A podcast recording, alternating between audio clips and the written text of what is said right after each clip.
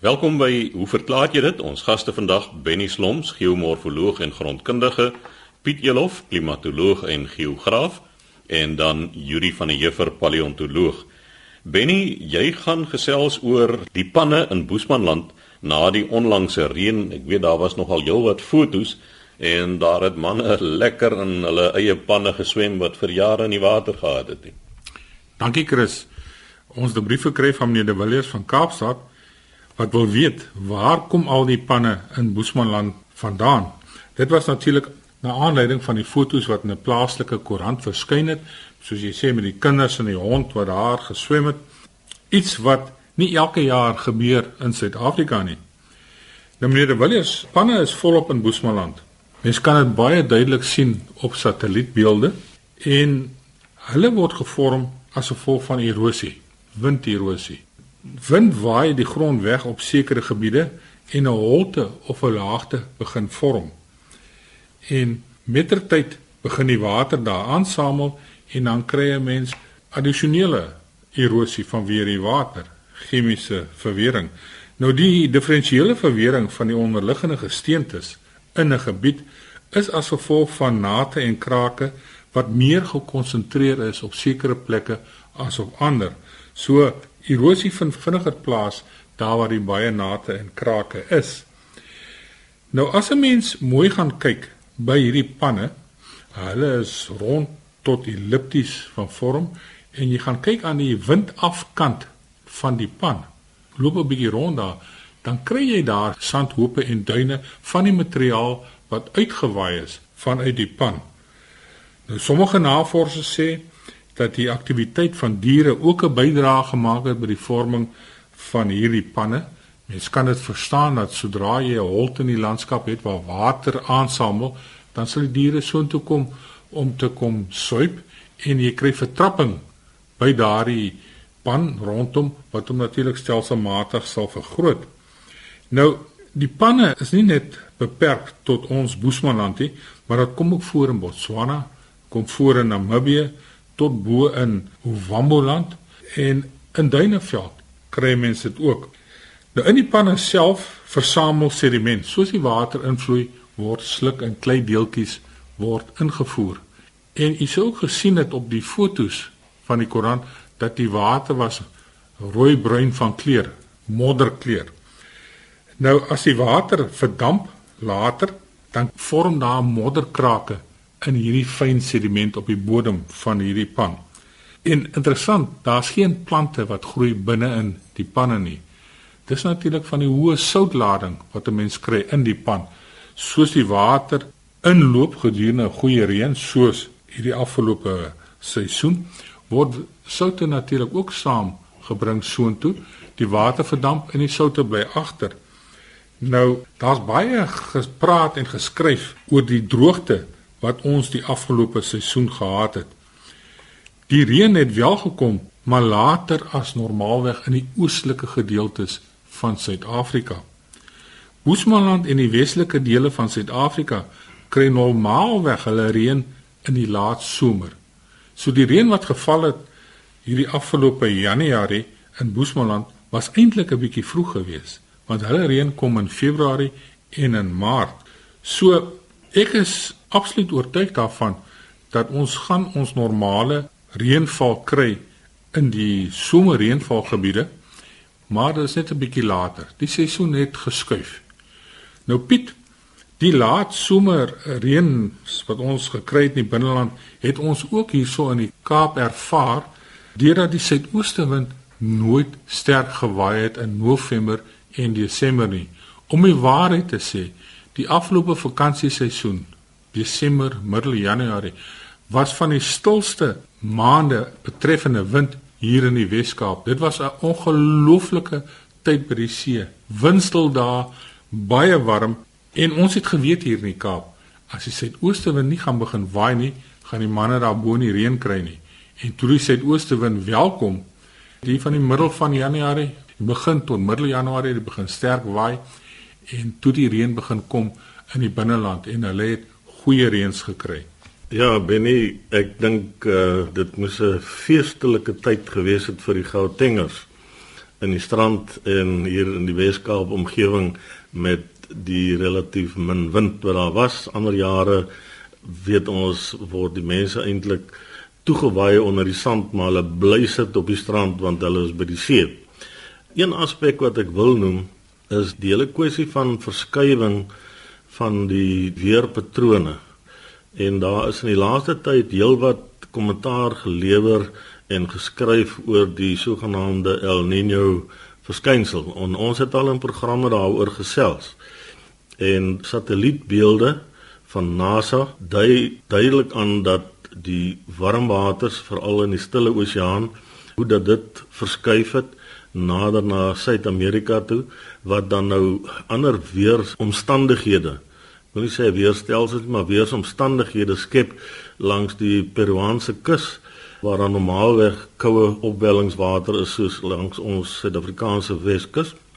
Die implikasie is egter dat daardie weerstelsels kom nie net uitsluitlik voor in die Stille Oseaan nie, maar daai stelsels skuif ook oor die res tot selfs in Suid-Afrika en oor die Indiese Oseaan.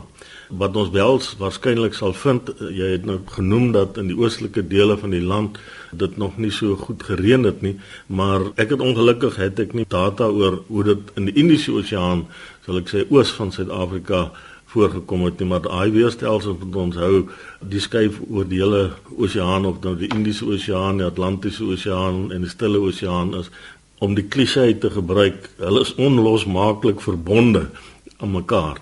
En dit kan dan ook rede wees vir die die veranderings wat ons kry. En dan selfs die die feit dat ons nou 'n bietjie vroeër reën gekry het veral in die westelike dele kan ook waarskynlik daaraan toegeskryf word. So die weerstelsels en die weerpatrone is nie altyd heeltemal so voorspelbaar en rigied nie. Mens moet maar aanvaar dat daar tye sal wees wanneer dit droër is en tye wanneer dit minder droog is So ek hoor wat jy daar sê. Maar Chris kan ek 'n bietjie kommentaar lewer oor die hitte wat ons hier in in die Wes-Kaap ervaar het. Hier was 'n luisteraar, die naam wat ek hier het is Susan van der Walt.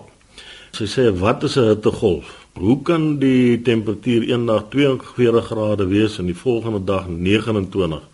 Die son bly tog dieselfde en geen een van die twee dae het wind gehad nie. Nou Susan Die Suid-Afrikaanse weerdiens definieer so 'n hittegolf as 'n toestand of 'n situasie wanneer daar 3 of meer dae is waar die maksimum temperatuur tot 5 grade warmer is as die gemiddelde maksimum van die warmste maand. En dit kom dikwels voor wanneer daar 'n kuslaag by die kusgedeeltes verby beweeg en ons het al gesels oor die fenomeen verskynsel van 'n kuslaag en dan het jy hoëdruk toestande in die binneland en dan weet die lug beweeg van 'n hoëdruk na 'n laagdruk stelsel toe en wanneer daai lug uit die binneland uit na die kus toe beweeg dan verhit hy adiabaties en ons langs die kus ervaar dan hierdie warm toestande wat ons dan beskryf as 'n hittegolf. Nou wat hittegolwe aanbetref is daar tog sekere goed 'n paar dinge wat ek mense se aandag net op moet vestig. Een van die belangrikste dinge is dat daar genoeg water gedrink moet word. Dit is die maklikste om te keer dat jy nie dehydreer nie. Dan moet asseblief nie klein kindertjies los in voertuie nie of buite sonder dat daar iemand is wat hulle kan oppas en diere en kinders moet asseblief nie in voertuie gelos word as dit so warm is nie want daai temperature gaan ongelooflik hoog styg en daar is al mense wat kinders en diere verloor het as hulle net vinnig na 'n winkel toe ingaan en dan ongelukkig daar 'n bietjie vertraag as om uit te kom. Dan belangrik bly binnenshuis. Soek die koelste deel van jou huis uit of jou kamer en bly daar, wees rustig en sal dan mense wat fietsry in sulke omstandighede wees versigtig daarvoor ook want dit kan beteken dat jy dalk hartprobleme opdoen as jy in hierdie hitte omstandighede rondreis mense wat gaan stap en wandelpaaie doen wees veral in die oggende van 10:00 tot die middag 4:00 toe probeer om daai tye te vermy om te gaan stap en dan neem natuurlik genoeg vloeistowwe saam sodat jy uh, genoeg vloeistowwe inneem want jy gaan sweet in daai tye wat daar hittegolwe voorkom. So Chris, dit is om aan te sluit by jou Benny, uh, dit is die goed wat voorkom en ons het in die jongste van die laaste tyd heelwat van hierdie hittegolwe beleef hier in die Wes-Kaap en ek dink nie ons is al heeltemal verby die tyd wat ons nog sulke hittegolwe gaan ervaar nie. Ja, so sê Piet Elof, ons klimatoloog en geograaf en voor hom dan Benny Sloms wat gepraat het oor die panne in Boesmanland en ook elders in die land. Yuri van der Heever, paleontoloog. Yuri, jy het verlede jaar 'n vraag ontvang oor in watter stadium word geslag bepaal en toe onder andere het dit aan die lig gekom dat dit eintlik al in die baarmoeder gebeur, maar jy het heelwat reaksie ontvang na aanleiding daarvan. Dankie Chris en ja, dit lyk vir my dit bly 'n netelige saak. Die eerste briefie is een van Desi van Wyk en ek lees dit graag waar sy sê goeiedag die program oor gay mense was briljant. Pieter Silje se boek 'n kas is vir klere is 'n pragtige boek wat verduidelik hoe die worsteling werk tussen die kerk en om gay te wees. Baie dankie vir 'n mooi program. Die tweede brief kom van Jan Ludik. Hy sê ek dink vanoggend se program was uitstekend vir al die verduideliking oor gays. Ek is beïndruk deur die wetenskaplike verduideliking van die verskynsel. Wat my beduister is dat mense nog steeds die Bybel as maatstaf gebruik om iets te verklaar. Net soos Galileo Sokrates se teorie oor die vallende voorwerpe wat vir 1600 jaar lank geglo is, verkeerd bewys het en toe uit sy pos as professor geskop is ten spyte van die bewyse dink ek ons lê nog steeds aan dieselfde malligheid. Nou daar was ook kommentaar gewees van TM Hart, ek weet nie of dit 'n uh, man of 'n vrou is nie, wat nie met hierdie sienswyse saamstem nie en daar is 'n redelike uitgebreide verduideliking saam met die brief gestuur wat ek nie nou kan behandel nie, maar TM Hart, ek sal graag in 'n volgende program aandag gee aan die punte wat jy opgehaal het. Dan die eintlike brief wat ek oor wil praat Chris is van Rolien Vaar en ek sal dit moet lees. Sy sê my naam is Rolien Vaar. Ek is 'n sielkundige in praktyk vir die afgelope 20 jaar en die program oor gays het betrekking.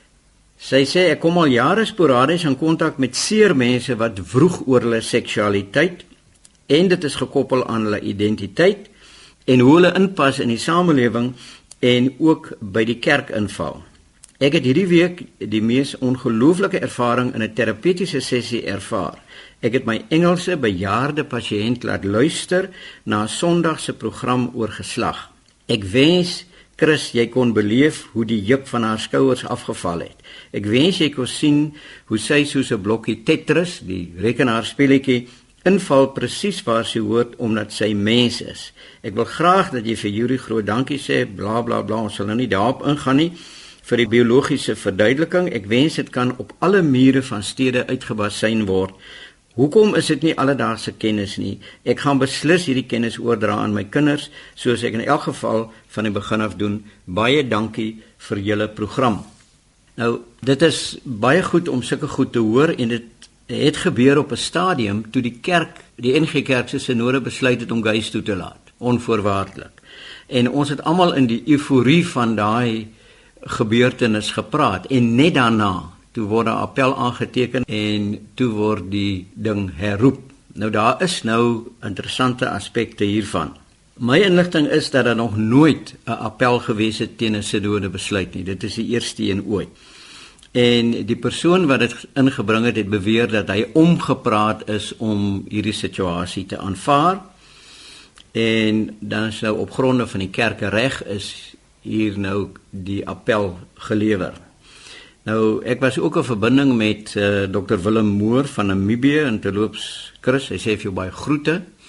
Uh, Hy's 'n gewese predikant waar hy daarop gewys het dat die kerkreg eintlik geen geregtelike staanplek het nie. Dit is 'n stel reëls, 'n stel mensgemaakte reëls. So dit het nie geregtelike status nie. Toe is daar 'n brief geskryf deur 65 predikante en daar is blykbaar nog heel wat meer teoloë wat hiermee saamstem en wat kapsie maak teen hierdie spesifieke appel wat ingebring is. Nou die interessante ding is om te besef die appel is nie teen die sinode besluit ingebring nie. Die appel is ingebring teen die uitvoering van die sinode besluit. Nou wat dit nou beteken is, die volgende sinode vergadering is die plek waar dit verander kan word en dis oor 2 jaar. So die mense hou nou eintlik die NG Kerk gijslaar tensy daar natuurlik 'n spesiale sinode vergadering intussen gereël word. En die gevaar en die bekommernis dink ek van party mense is dat indien daar 'n sinode vergadering oor 2 jaar is, en die appel word opgehef, dan kan daai groepie mense dadelik weer appel aanteken.